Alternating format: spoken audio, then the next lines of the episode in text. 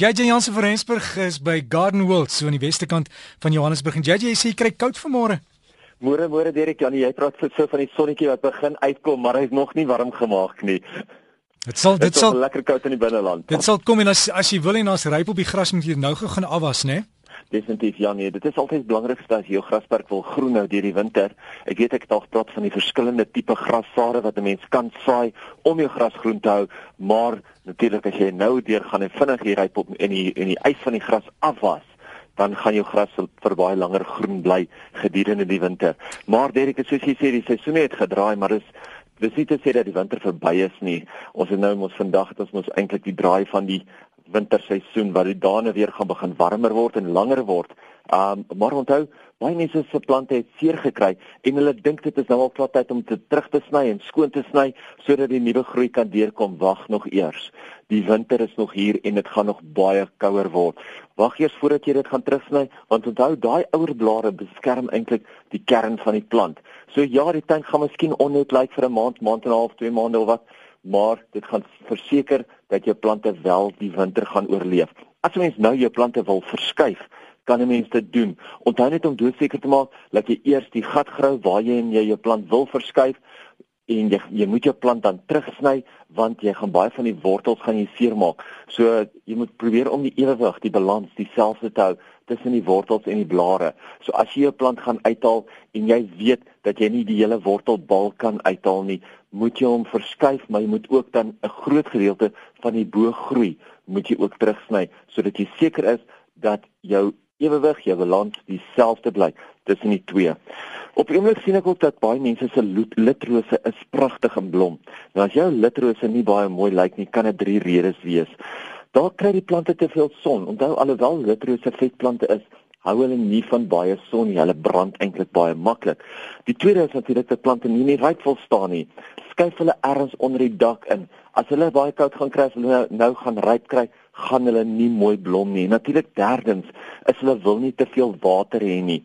Onthou jou litrosies wil in baie goed gedreineerde grond staan en is een van die tipe vetplante wat eintlik baie goed reageer op goeie grond. So as jy hom gaan oorplant, as jy hom uitplant, plant hom uit in baie goeie grond wat goed kan dreineer en wat 'n bietjie vog kan terughou.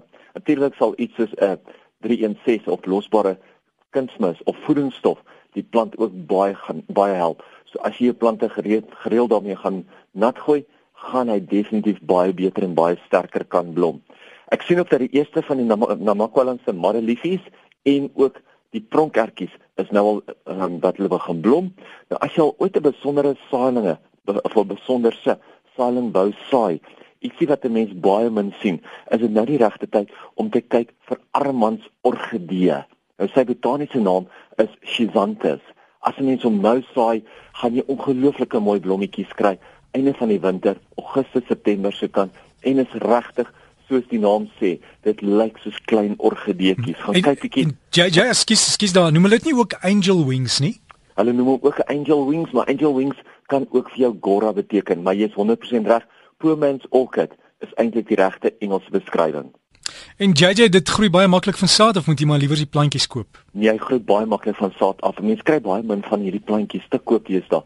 So as jy wil, as jy dit regtig in jou tuin wil hê, gaan kyk eerder of jy die saad in die hande kan kry, want hy gaan baie maklik van die saad af groei. Ja. Net so laas enetjie alhoewel ons altyd praat oor ons plante buite, moet ons nou nie vergeet van ons plante binne nie. As jy nie seker is of jou plante kans kry nie, kan jy maklik jou twee hande vat en 'n blaar tussen jou handpalms effens vasdruk en voel hoe koud daai blare kry. Dan weet jy hoe koud jou plant kry gedurende die winter. Dis ongelooflik. Ons stap gereeld hierdie kwekery, dan voel ons net hoe voel die plante. Dan weet ons wat hulle deurmaak in die aand as ons nie hier is nie. Mens moet onthou ook as jy nou plante het wat naby aan verwarmers of kaggels staan, gaan daai plante verskriklik vinnig uitdroog. En mens moet seker maak dat jy hulle baie meer nat maak, baie meer gereeld nat maak sodat hulle wel die winter kan oorleef van hitteuitputting en nie noodwendig van die koue nie. So maak seker gooi gereeld nat en skuif hulle maar 'n bietjie weg van die kaggel af. Laat hulle nie heeltemal so vinnig brand nie. Laat die temperatuurveranderinge nie so verskriklik baie is veral in die aande en deur die dae nie. Volgende week gesels ons 'n bietjie oor die snoei van rose, want dit word nou tyd om ons rose te snoei. Ah, JJ, ek het gou hierdie SMS gekry van Lorraine na Fioltjie, sy wil hulle oorplant. Wat moet sy doen? Kyk jou gewone tuinvoeltjies is eintlik baie maklik. Mens breek hulle op, jy sny meeste van die blare af en jy plant hulle oor soos 'n klein grondbedekkertjie. Maak maar net eers jou bedding gereed waar jy hulle wil oorplant. Mens sny ook dan meeste van die blare af. As dit jou binnesyse Afrikaanse voeltjie is, jou African violet, dit kan jy nou ook doen. Onthou mense moet nou baie versigtig wees. Sy blaartjies breek verskriklik maklik. Daarom moet mense maar gewoonlik meeste van die blommetjies uitsny, meeste van die onderste blare afsny en dan gaan jy daai klein plantjie kan oorplant in 'n ander potjie. En die blare wat afbreek kan jy mos net plant dan groei hulle, né? Ja nee, die blaartjies wat jy afsny, kan jy eintlik die hele blare plant jy net so half onder die grond, half buite die grond en hy vorm vir jou 'n nuwe plantjie reg daar. So dit is hoe hulle veeltjies ook vermeerder. Jy draai hom op sy sy, né? jy plant hom eintlik regop. Hy's nie so iets streptocarpus wat jy op sy op sy sy draai nie. Jy kan as jy hom op sy sy draai jy sit 'n bietjie grond of 'n paar klippies bo op hom neer, dan sal hy ook so wortels skiet. Maar gewoonlik wat jy doen is jy plant hom dwars in die grond. Laat helfte van die van die plant of van die blaar onder die grond is en die ander helfte uitsteek. Oh, sê jy, jy so leer ons elke dag. Waar kan mense vir jou kontak en het jy 'n webtuiste? Jep, definitief. Hulle is welkom om my te kontak by JJ by Gardenwold, dis JJ by gardenwold.co.za of hulle kan op ons webtuiste loer gardenwold.co.za. Die lekkerste ding natuurlik deesdae is ons Facebookblad. Daar's ook selfs almal sommer saam. So daar het jy die inligting is JJ by gardenwold.co.za of gaan kyk op Facebook Gardenwold Nursery en jy sal die inligting daar kry. Alles van die beste JJ. Ek sê vir jou baie dankie Dirk, jy moet 'n lekker dag hê en jy moet warm word.